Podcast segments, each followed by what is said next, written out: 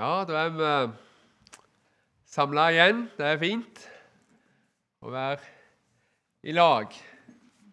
Begge salene er det folk i. Det er fint å se dere hver og en. Vi skal prøve Jeg tror vi må si prøve, men stanse litt for profeten Elias.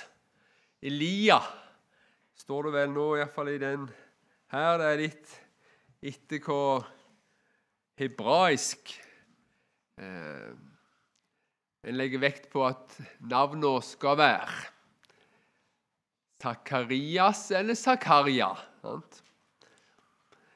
Elias eller Elia. Det er litt mer hebraisk, visstnok, hvis vi sier Zakaria og Elia. Men det er den samme personen vi tenker på. Elias og Elia.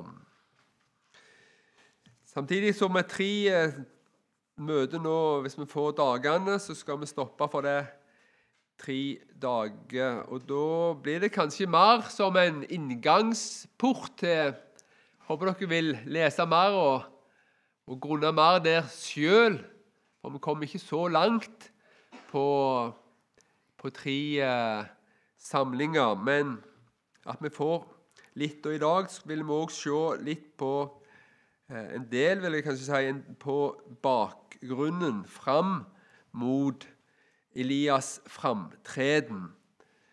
Men det står jo i romerbrevet at alt det som før er skrevet Og da tenker, tenker Paulus på Det gamle testamentet. Alt det som før er skrevet, er skrevet til lærdom for oss. Det gjaldt på Paulus sin tid, men det gjelder òg for oss. Alt som før er skrevet, det er skrevet til lærdom for oss, for at vi skal ha, det, for vi skal ha håp ved det tålmod og den trøst som Skriftene gir. Jeg snakket i går om 'forkynn ordet'. Skriftene der gir tålmodighet.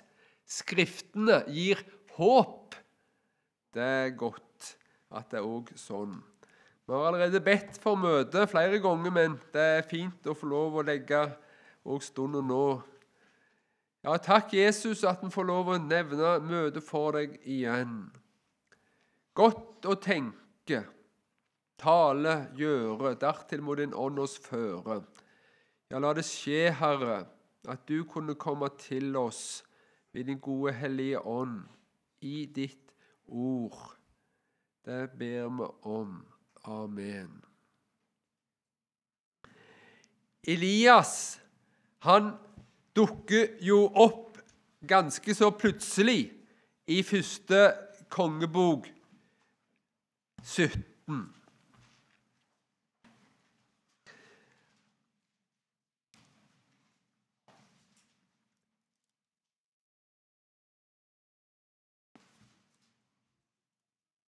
Hvor kom han ifra? Og hvor er vi henne egentlig?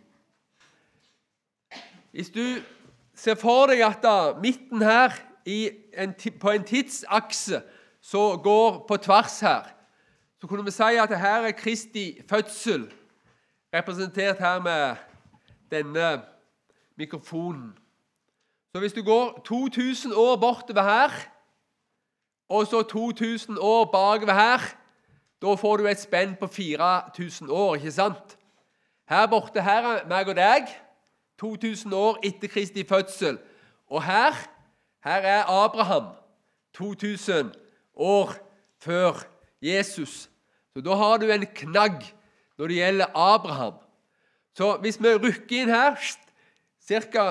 til midten av det som jeg nådde i stad, da forstår vi jo at det er 1000 her, kristninger av Norge sånn cirka. Men hva har du her på 1000 her? Jo, her har du David. Ca. 1000 år da fra Abraham til David, og fra 1000 år fra David til Jesu fødsel. 1000 år videre til kristning av Norge og 1000 år til oss i dag. Ehm, så Abraham, David og Jesus. Så, så går midten her igjen hvor er vi da? Jo, da er vi med Serubabels tempel, Nehemja, Esra. profetene Haggai, Zakaria, Zakarias, Zakaria og Malaki. Og det er inni her vi er nå, imellom David og Ja, vi er ganske nærme David. Vi er ca. 150 år etter David. På 780-tallet, 770-tallet, 760-tallet før Kristus, der er Elias. Han var profet. Det var jo før skriftprofetene sin tid. Så er ingen av de profetskriftene som vi har i Bibelen, var ikke ennå kommet. Men han var profet. Men vi har ikke ei egen profetbok av, eller ved han, men vi har da i konge, kongebøkene, både første og andre kongebok. Har dere lagt merke til at uh, konge- og krønikebøkene de handler om det samme ganske mye? Det er jo sånn at da, første og andre Samuel og første og andre kongebok det er på en måte et firebindsverk. Det kan du lese kronologisk utover. Først første Samuel, andre Samuel, første kongebok, andre kongebok. Men så da er liksom kongetida slutt. Så kommer krønikebøkene. De handler òg om kongetida. Men der er det et litt annet perspektiv i krønikebøkene. Det er ikke så politisk, det perspektivet.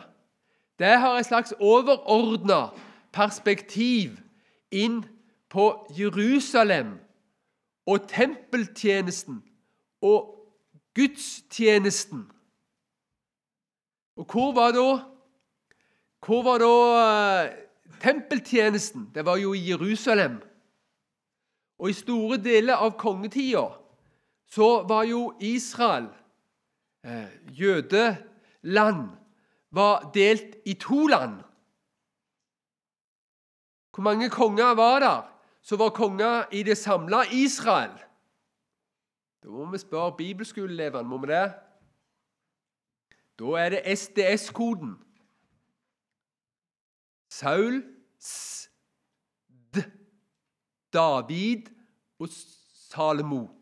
Det er den samle Israel. Det er SDS-koden. Så allerede etter tre konger så blir det delt i to land. Og tempelet det var i Sørriket, i Jerusalem.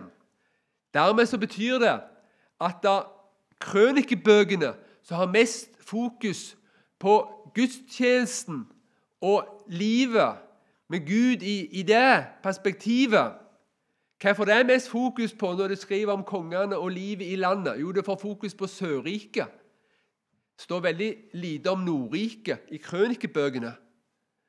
Men profeten Elias han var jo i Nordriket. Ja, men da må vi gå til kongebøkene antageligvis for å finne om han. Ja, det stemmer det. Det står ikke om Elias i krønikebøkene. Og Dere har jo her på bibelkurset, kursuka, har vi jo om Dere hadde i går, jeg hadde ikke kommet da. Hadde om eh, profeten Hosea. Han òg han er profet. Han er jo en skriftprofet. Da forstår dere ut ifra det jeg sa allerede, at han er jo etter Elias. Eh, han som var kongen og Elias var profet, det var jo Akab. Han som var konge når eh, Hosea var profet. I Nordriket var det jo Jeroboam, den andre. Det var en som het Jeroboam, Jeroboam tidligere òg. Og imellom der, ifra Akab slutta å være konge og til Jeroboam begynte, så er det ca. 70 år. Så det må være enda litt mer enn 70 år da, imellom Elias og eh, Hoseas. Men begge er i Nordriket. Ja, det er mye der å, å få tak i, men da forstår vi liksom cirka hvor vi er. Vi er en god stund nå etter David. Ja, vi er, vi er eh, ganske, Ikke så mye som 100 år, men vi er, vi er en del år etter, etter Salomo sin avslutning. Han òg. Eh, og Israel og Juda, Sørriket Juda og Nordriket Israel, det opereres som to land. Men hvorfor ble det to land? Hvorfor ble det to land? Og så, De krigte jo imot hverandre, til og med. Det var jo ett land. Det var jo som om på en måte Norge skulle blitt delt i to. Ett var veldig lite. Det var nesten sånn som Vestfold. Var, ble, de ble alene. Det var Juda. Og så var det alle de andre imot dem. Ja, det var Og når det gjaldt rikdom òg Ja, Juda hadde jo den største rikdommen i og med at de hadde tempelet, det Gud åpenbarte seg. Men materielt så var det Jeg har ikke vært i Israel, jeg. Det er mange her som kan mye mer enn meg om det. Men det har, jeg har lært det, at da i Sørriket der er det jo ganske høyt rundt Jerusalem. Ligger ikke det på 700 meter over havet? Det er ganske karrig. Så det var mye fattigere i Sørriket. I Nordriket var det mye rikere land. Det var mye mer frodig land. De hadde mye mer rikdom der i nord, materielt. Men ikke Det er jo ikke det. Hvor, hvor lenge hjelper det å ha masse penger? Hvor lenge hjelper det å ha god velferd og, og gode dager på den måten hvis den går fortapt? Ja. Men hvorfor ble det delt, ja? Jeg vil prøve å minne litt om det. Og Det er veldig aktuelt for oss òg når vi skal lære. Og I første kongebok 11 skal vi slå opp da. Så blir vi litt i første kongebok utover her nå. Så det blir Håper dere syns at det er greit at vi, vi er litt i forberedelsen på en måte, og arbeider oss litt fram imot Elias. Første kongebok 11, 4 skal vi begynne. Første kongebok 11, 4.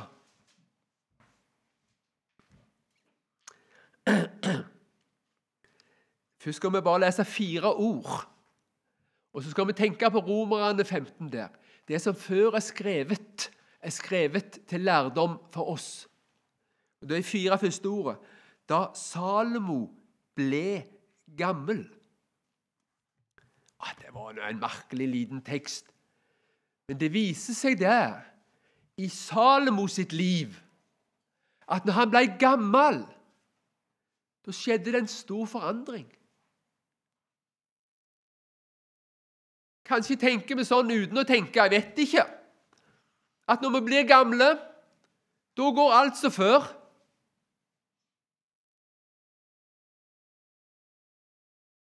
Da Salomo ble gammel, skjedde det en stor forandring. Hvordan tror du det blir med meg når jeg blir gammel? Kanskje syns de som går, at jeg er Jeg er iallfall litt oppi åra. Men du, tenk når jeg blir gammel. Tenk hvis det går sånn med meg som det gikk med Salomo. For Det er ikke selvsagt at den som når han er ung, kanskje var han rundt 19-20 år, så fikk han et spørsmål av Gud. Salomo, nå kan du få velge hva du vil. Ikke bare i hele verden, men alt du klarer å tenke deg. Hvem vil du ha? 'Å, jeg er så liten og hjelpeløs, og jeg skal ha en viktig stilling i Guds folk.' Det jeg mest av alt vil ha, det er visdom. Det er til å kunne lære Guds ord å kjenne. Og det er å kunne ta rette vurderinger ut ifra Gud og Guds vilje. Det er det jeg vil ha. Jeg spurte ikke om gull, ikke om krigsmakt, ikke om et langt liv, ikke om ja, Tenk det. Ja, det syns Gud var et godt ønske. Så det skulle han få. Og så, Siden han ikke spurte om gull, så skulle han få det òg. Ja. Men hvordan gikk det når han ble gammel? Ja Det står da Salomo ble gammel, vendte konene hans hjerte til andre guder. Vendte konene hans hjerte, ja, til andre guder. Og hans hjerte var ikke helt med Herren hans Gud, slik som hans far Davids hjerte hadde vært. Salomo fulgte Astarte, sidoniernes guddom. Sidon, det var heimplassen til kona til kong Akab. Det er en link allerede her til Elias sin tid. For dronning Jesabel hun var jo ifra Sidon. Og der hadde de Baal og Astarte-dyrkelsen.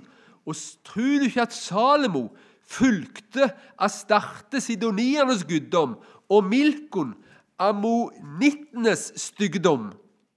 Og Salomo gjorde det som ondt var i Herrens øyne. Han fulgte ikke trofast etter Herren, slik som hans far David hadde gjort. På den tiden bygde Salomo en offerhaug for Kamosh, Moabs stygdom, på det fjellet som ligger midt imot Jerusalem, og for Molok, Ammons barns stygdom, det samme gjorde han for alle sine fremmede koner som brente røkelse og ofre til sine guder. Da ble Herren vred på Salomo fordi han hadde vendt hjertet bort fra Herren Israels Gud, som han hadde åpenbart seg, åpenbart seg for ham to ganger, og uttrykkelig forbudt ham å følge andre guder. Ja, Han fulgte ikke Guds ord. Gud hadde jo uttrykkelig sagt det med tydelige ord. Men han hadde ikke holdt seg etter det som Herren hadde befalt. Da sa Herren til Salomo, siden det er slik med deg, og du ikke har holdt min pakt og mine lover som jeg har gitt deg, så vil jeg rive riket fra deg og gi det til din tjener. Ja, det skulle komme til en tjener som heter Jeroboam. Det var jo det samme navnet som han kongen på Hoseas tid. Men jeg, vi nevnte jo at det var Jeroboam den andre. Det var det samme navnet. Så han første kongen, Jeroboam, han samme navnet som han andre som er navnebroren på Hoseas tid. Men her var det han tjeneren her, er Jeroboam, da, som vi kan kalle den første. Men for din far Davids skyld vil jeg ikke gjøre det i din tid men jeg vil rive riket ut av din sønns hånd. Jeg vil likevel ikke rive hele riket fra ham. Én stamme vil jeg gi din sønn for min tjener Davids skyld og for Jerusalems skyld, som jeg har utvalgt. Så han skulle få en stamme med seg. Han fikk jo sin egen stamme, Juda, og så fikk eh, han Benjamins stamme i tillegg der. Så ble det to stammer i det riket, og så ble det ti stammer som han mista i det andre rike. Og det viser seg at det går akkurat det går akkurat som Gud har sagt på forhånd. Når Rehabeam, Salomos sønn, skal på tronen, så gjør han jo en megatabbe. Han ønsker å være en stor og kraftfull konge som regjerer med tydelighet og autoritet. Og han lytter ikke til de gamle rådgiverne som er grå i håret, men han har noen unge som har vokst opp med han sjøl. De lytta han til. Og så var det dårlig Så var det dårlig eh, råd han fikk, og så glei Men det var jo samtidig Gud som styrte historiens gang, og så glei eh, de ti stammene bort ifra Rehabeam. Og så ble Jeroboam konge. Jeroboam den første ble konge. Og Han leser vi om i kapittel 12 her i første kongebok. For når han hadde blitt konge, så var han veldig fornøyd med å være konge. Det var mange som hadde lyst til å være konge. Mange som hadde lyst at når de sa noe, så var liksom det viktig for folk. Det er så de på en måte eh, vurderte situasjonen. Det var viktig for de andre. Det er å være litt konge på haugen. Ja. Det er noe som ligger i kjøtt og blod, det. Skal ikke ha, skal ikke ha mye, verken øre innad i ditt eget hjerte eller utad. Merker du det? Folk liker å ha noe de skulle ha sagt. Jeroboam òg. Derfor så var han redd for å miste kongedømmet. For de var jo egentlig ett folk, men nå var det blitt to land. Tenk hvis innbyggerne i landet mitt stikker av ifra meg, og ingen vil ha meg til konge lenger. Da sitter jeg jo der. Det er jo ikke kjekt å mene noe og bestemme noe hvis du har ingen til å bestemme over. Så han hadde lyst til å være konge fortsatt. Og Da ser vi her i første kongebok 12-19. Der begynner vi da, og så hopper vi eh, fra 20 til 25. Men 12-19. Slik falt Israel fra Davids hus, og slik har det vært til denne dag. Det var 12-19. Da hele Israel hørte at Jeroboam var kommet tilbake, sendte de bud etter han. De kalte ham til folkeforsamlingen og gjorde ham til konge over hele Israel. Det var ikke noen som holdt seg til Davids hus, unntagen Juda stamme.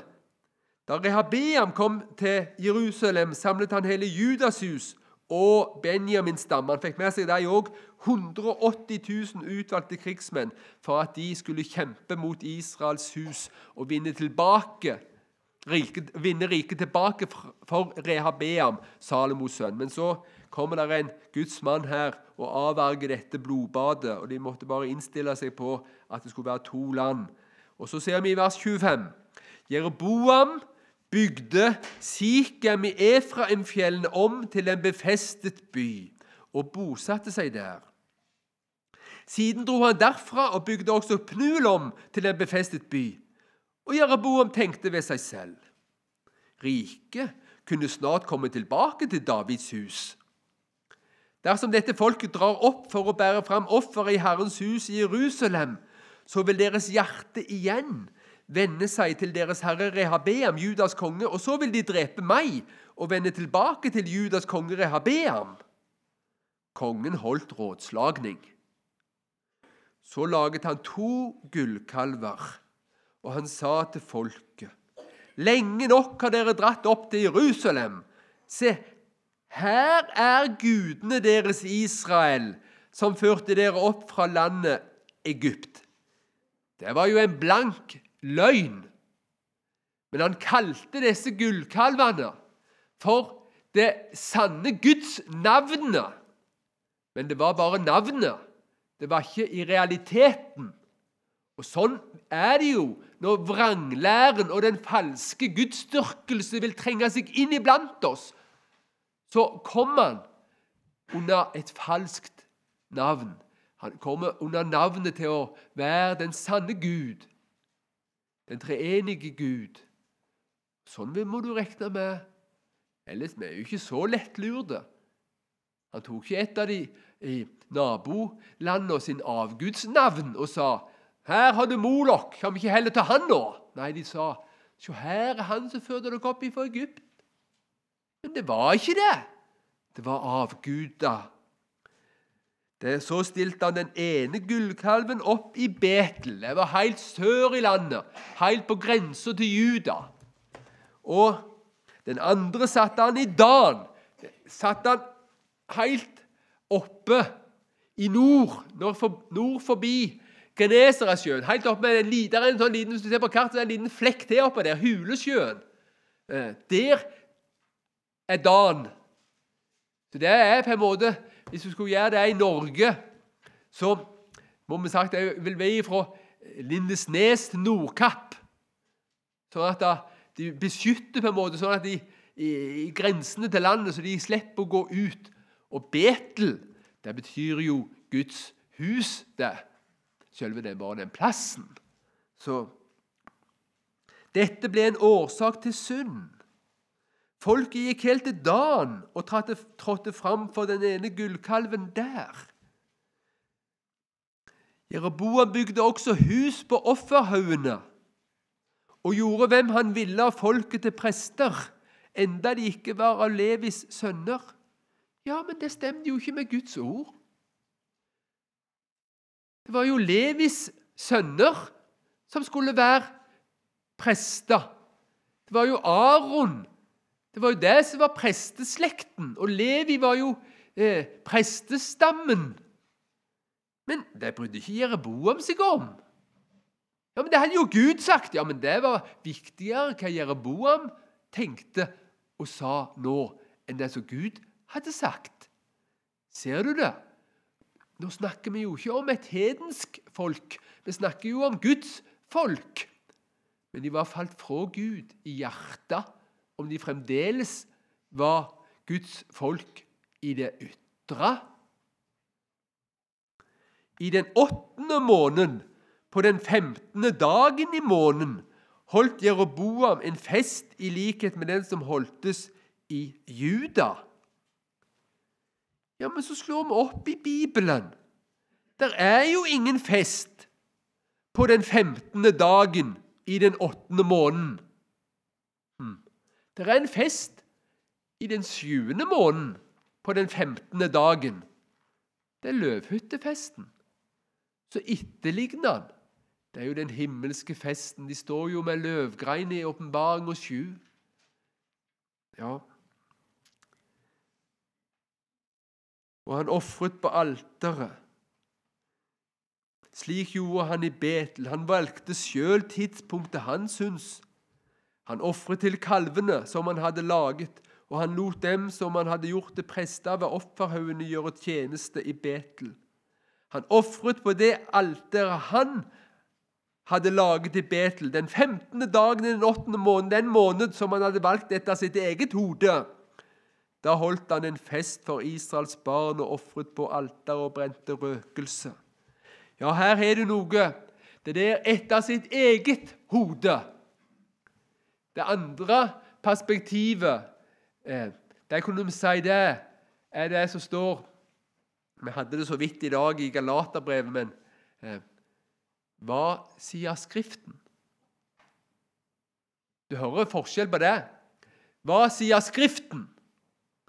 Og nå, nå tenker jeg Gud etter mitt eget hode. Hva var det Jeroboam gjorde? Tok han hva sier Skriften, og så så i Bibelen? Eller tok han og valgte etter sitt eget hode? Dette er til lærdom for deg. Derfor så må du bli kjent i Bibelen, så ikke du blir kasta og dreven omkring av ethvert lærdomsvind ved menneskers spill. Kløkt i villfarelsens knep. Nei, vi må, vi må bare si av Skriften. Hva er det som står skrevet i Bibelen? Og så skal vi ta oss tid til å lese i kapittel 13. For Det handler jo òg litt om dette. Det er litt på sida. Det blir en litt lang parentes. Men det er noe av det som jeg håper at vi kan få tak i noe her. Noe vi hadde i går om òg. Forkynn ordet. Hør ordet. Følg ordet. Ja. For her må du se for deg nå er det jo innvielsen av Betel og innvielsen av denne avgudsofringen og dette nye gudstjenestestedet i Guds folk, som er et falsk gudsdyrkelse. Da kom det på Herrens bud en Guds mann til Betel for Juda. Han kom nettopp som Jeroboam sto ved alteret for å brenne røkelse. Og han ropte på Herrens bud mot alteret. Alter, alter! Så sier Herren. Det skal fødes en sønn av Davids hus. Josia skal han hete. Husker dere Josia? Vi får jo ikke tid til han nå. Men han var jo kameraten går det an å si det, kameraten til, til profeten Jeremia. 250 år fram i tid! En voldsomt framtidsprofeti der. Eh, skal komme eh, Josia skal komme. Eh, hvor var det vi var nå? Vi er jo her i 13. Vers 2. Takk skal du ha. Og på deg skal han ofre offerhaugens prester, de som brenner røkelse på deg, og, de skal brenne, og det skal brennes menneskeben på deg. Samtidig kunngjorde han et tegn og sa:" Dette er tegnet på at Herren har talt. Alteret skal revne, og asken som er på det, skal bli spredt utover. Da kong Jeroboam hørte de ordene som Guds mann ropte mot alteret i Betel, rakte han hånden ut for alteret og sa, 'Grip ham!' Da visnet hånden som han rakte ut mot ham. Han kunne ikke dra den til seg igjen. Han var blitt lam, altså. Og alteret revnet, og asken ble spredt fra alteret. Det var tegnet som Guds mann hadde forkynt på Herrens bud. Da tok kongen til orde og sa til Guds mann.: Bønnfall Herren din Gud, og be for meg, at jeg må kunne dra hånden til meg igjen. Guds mann bønnfalt da Herren, og kongen kunne dra hånden til seg igjen. Den ble som den hadde vært før. Da sa kongen til Guds mann, Kom hjem med meg og få noe å styrke deg på, og la meg få gi deg en gave. Men Guds mann sa til kongen, Om du ga meg halvdelen av ditt hus, ville jeg likevel ikke gå hjem til deg. På dette stedet vil jeg verken ete brød eller drikke vann. For, for han har en grunn. For dette påbud fikk jeg av Herren. Han hadde fått et ord ifra Gud. Du skal verken ete brød eller drikke vann, og du skal ikke vende tilbake den samme veien som du kom. Så tok han av sted, og han dro ikke tilbake den samme veien som han var kommet til Betel. Nå bodde det i Betel en gammel profet. Ja, her kommer det igjen. Det var voldsomt så han ville sikte på de gamle i dag. Dette ikke. Sønnene hans kom og fortalte alt det som Guds mann hadde gjort denne dagen i Betel, og de ordene han hadde talt til kongen. Da sønnene hadde fortalt sin far dette, spurte han dem, hvilken vei tok han? Hans sønner hadde sett hvilken vei Guds mann fra Juda hadde reist. Da sa han til sønnene sine, sal eselet for meg. Så salte de eselet for ham, og han satte seg på det. Og han red av sted etter Guds mann han fant ham sittende under en terebinte og sa til ham, Er du den Guds mann som er kommet fra Juda? Han svarte, Ja, det er jeg.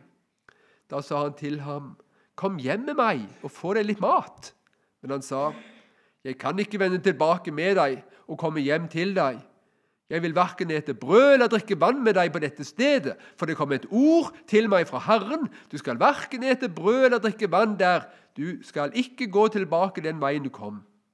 Da sa han til ham, Jeg er også en profet, liksom du. Og en engel har talt et ord til meg fra Herren, og han sa, Få han med deg tilbake til ditt hus, så han kan få seg mat og drikke. Men da han sa dette, løy han for han. Så vendte han da tilbake med ham og åt og drakk i hans hus. Han hadde fått en beskjed av Gud. Men så kom der en annen profet som løy. Og så hørte han på han. Han visste jo ikke at han løy. Men han hørte jo og gjorde rett imot Guds ord. Ja, men han var jo en profet, han var jo en åndelig mann. Han var jo en som Gud hadde talt. Så vendte han tilbake, da tilbake med ham og åt og drakk i hans hus når vi kom til 20.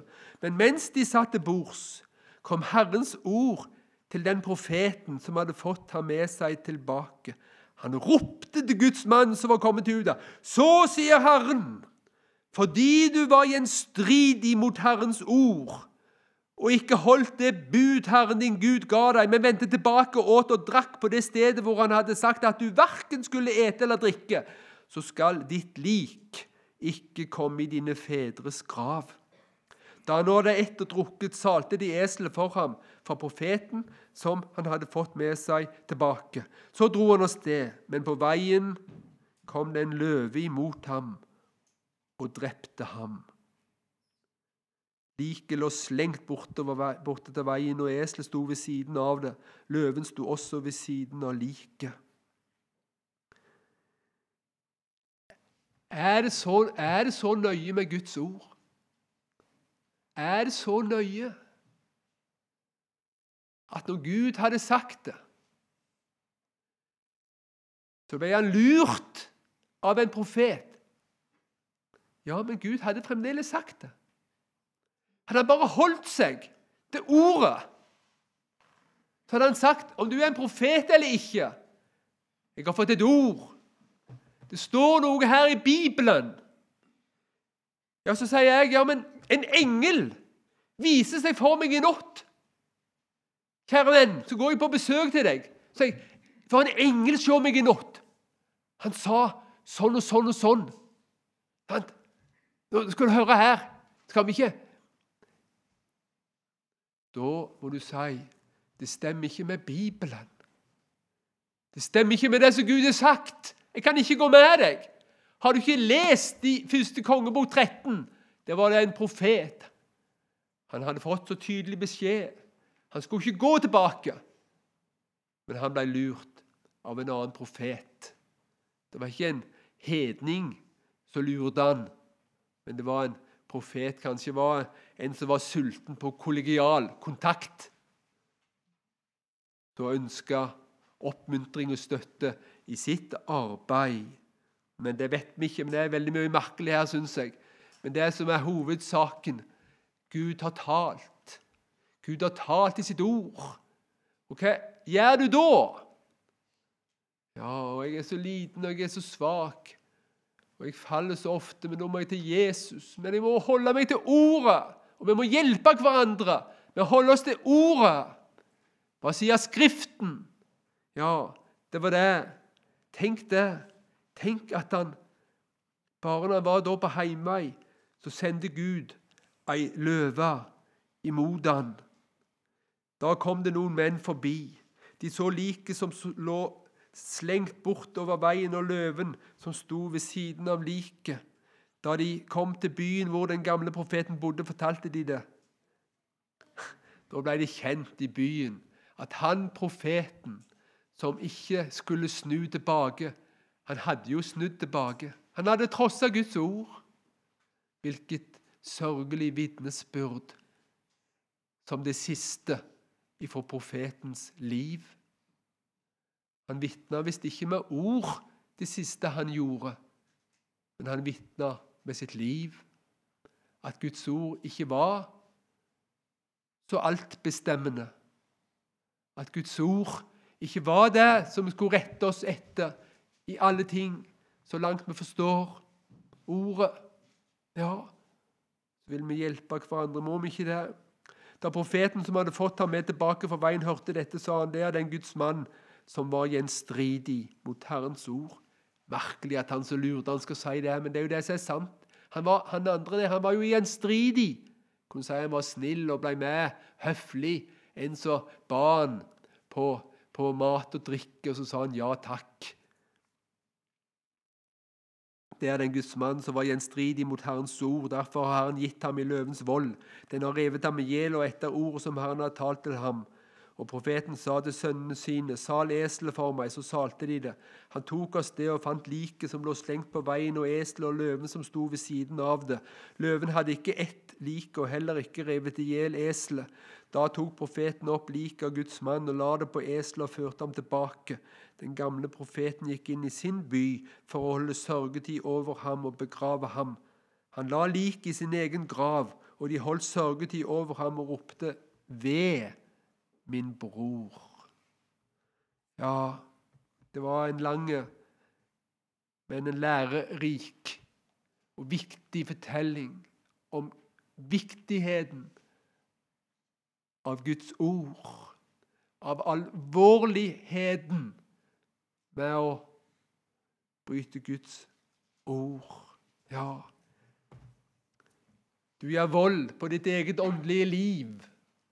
Ja, Hold deg til Guds ord.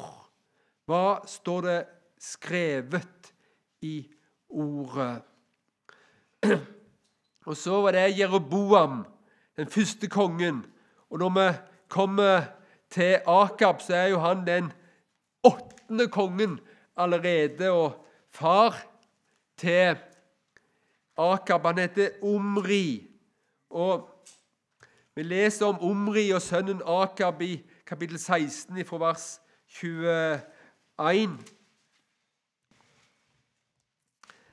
Og da husker vi jo det at Akab er konge, mens Elias er profet.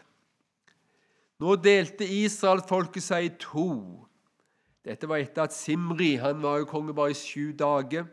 Så ble han pressa inn i det han hadde det hovedstad. Han gikk inn og tente på slottet og brant opp i sammen med det. Nå delte Israel-folket seg i to.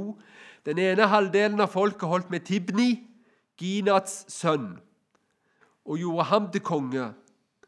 Men den andre halvdelen holdt med Omri, det er far til Akab. Men de som holdt med Omri, fikk overtak over dem som holdt med Tibni, Ginats sønn. Så døde Tibni, og Omri ble konge. I judakongen Asas 31. år ble Omri konge over Israel, og han var konge i tolv år. I Tirsa regjerte han i seks år. Han hadde Tirsa som hovedstad i seks år. Han kjøpte Samaria-fjellet av Skjema for to talenter sølv. Der på fjellet bygde han en by og kalte den Samaria etter Skjema, som han hadde eid fjellet. Så nå ble Samaria hovedstaden i Nordriket. Men Omri gjorde det som var ondt i Herrens øyne. Han bar seg verre ad enn noen av dem som hadde vært før ham.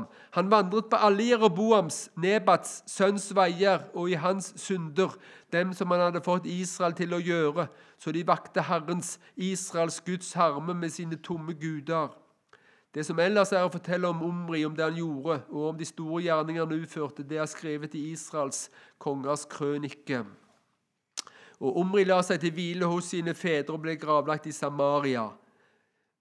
Så ut ifra den byen som heter Samaria, så ble det på Jesu tid Da var jo hele området rundt der kalt for Samaria. Så det er det vi er vant med kanskje å tenke fra Nytestamentet, at Samaria er et område. Men det er fordi at da, navnet på byen har på en måte smitta ut i området. og Så kaller vi det for Samaria, men det egentlig var det hovedstaden nå i Nordriket. Og det var Omri som kjøpte stedet og grunnla denne byen. og Det var en kjempeflott by, og hans sønn Akab ble konge i hans sted. Akab, Omris sønn, ble konge over Israel i judakongen Asas 38. år. Og Akab, Omris sønn, regjerte over Israel i Samaria i 22 år. Akab, Omris sønn, gjorde det som var ondt i Herrens øyne, enda mer enn noen av dem som hadde vært før han.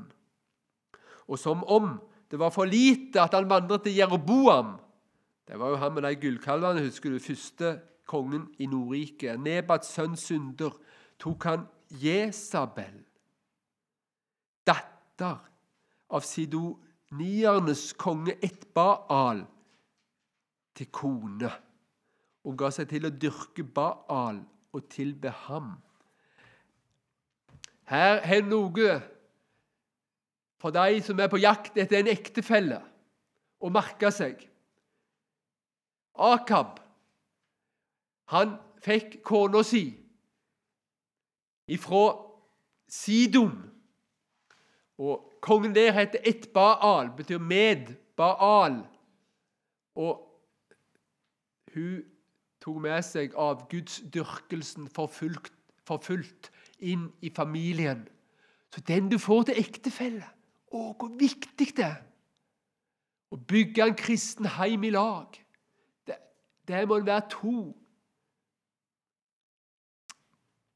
Det er mange vanskelige ting, og mange ting som ikke vi får komme inn på nå. og Mange familier som har det vanskelig, og noen har det sånn, og noen har det sånn. Men det må vi si uansett. Må vi si det til de unge som tenker på å danne en familie. Og det er jo etter Guds vilje. Det er Gud som har innstifta familien. Det er Gud som vil at mann og kvinne skal finne sammen i et livslangt, trofast ekteskap. Men du, bygge en heim der Jesus er sentrum, der du får hjelpe hverandre på himmelveien, og der en får prøve å hjelpe barn som kunne komme, hvis Gud gir det, til at de òg kunne komme og bli trofast på himmelveien og være eh, hos den gode hyrde. Ja.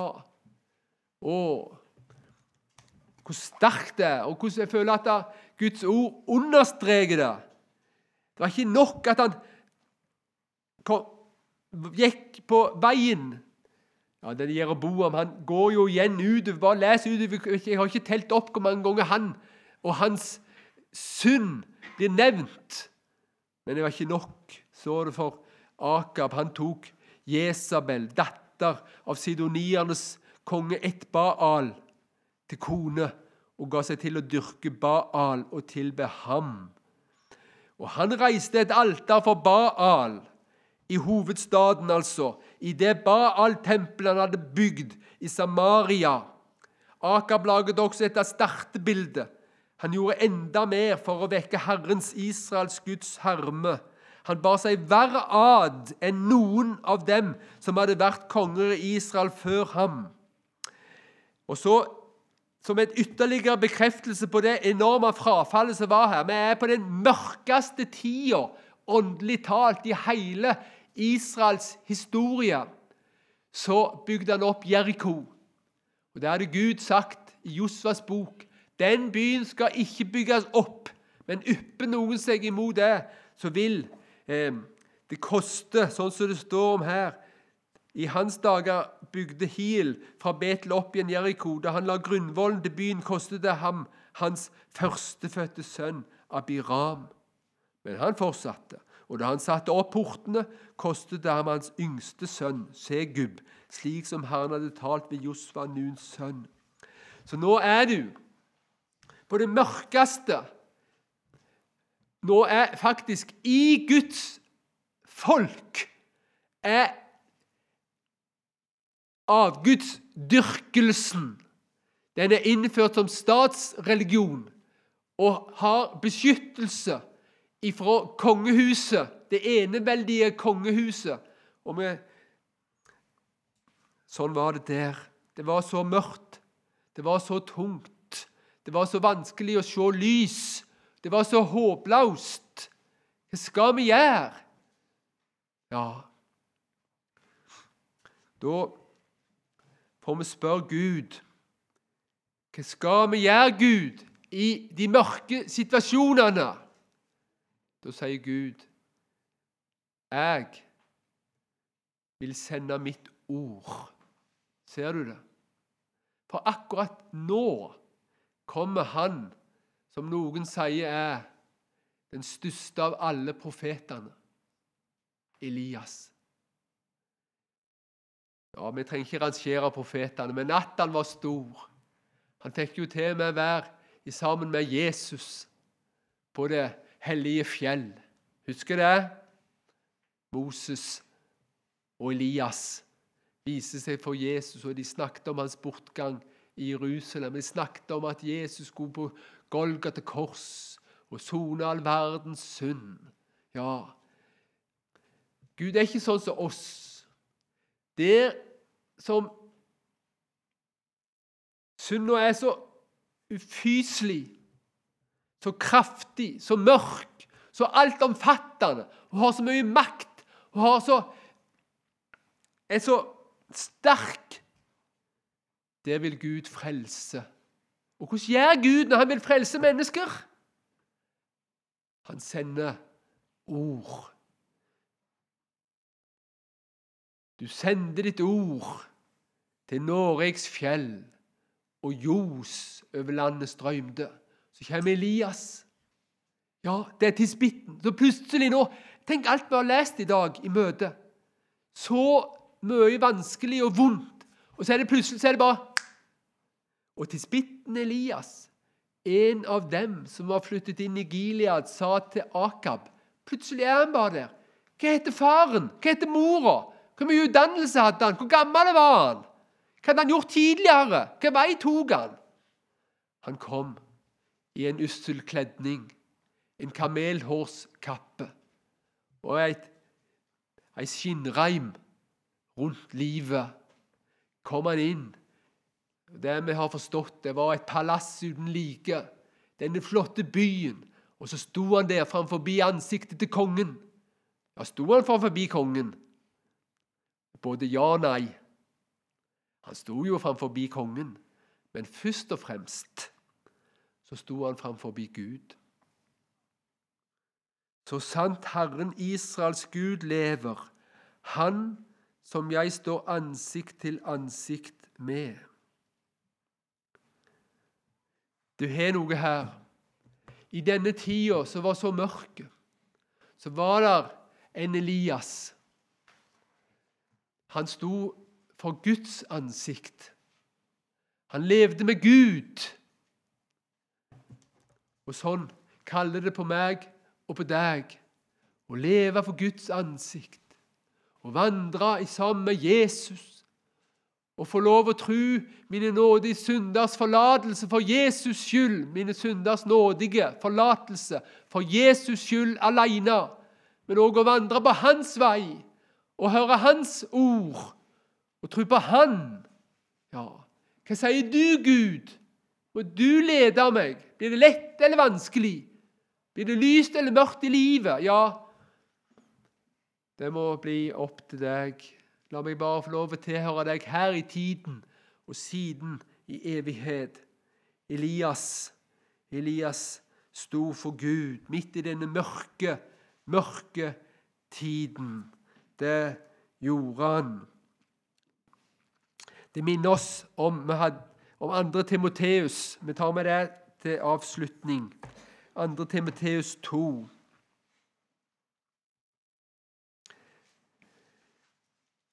Derfor så må du tenke på det.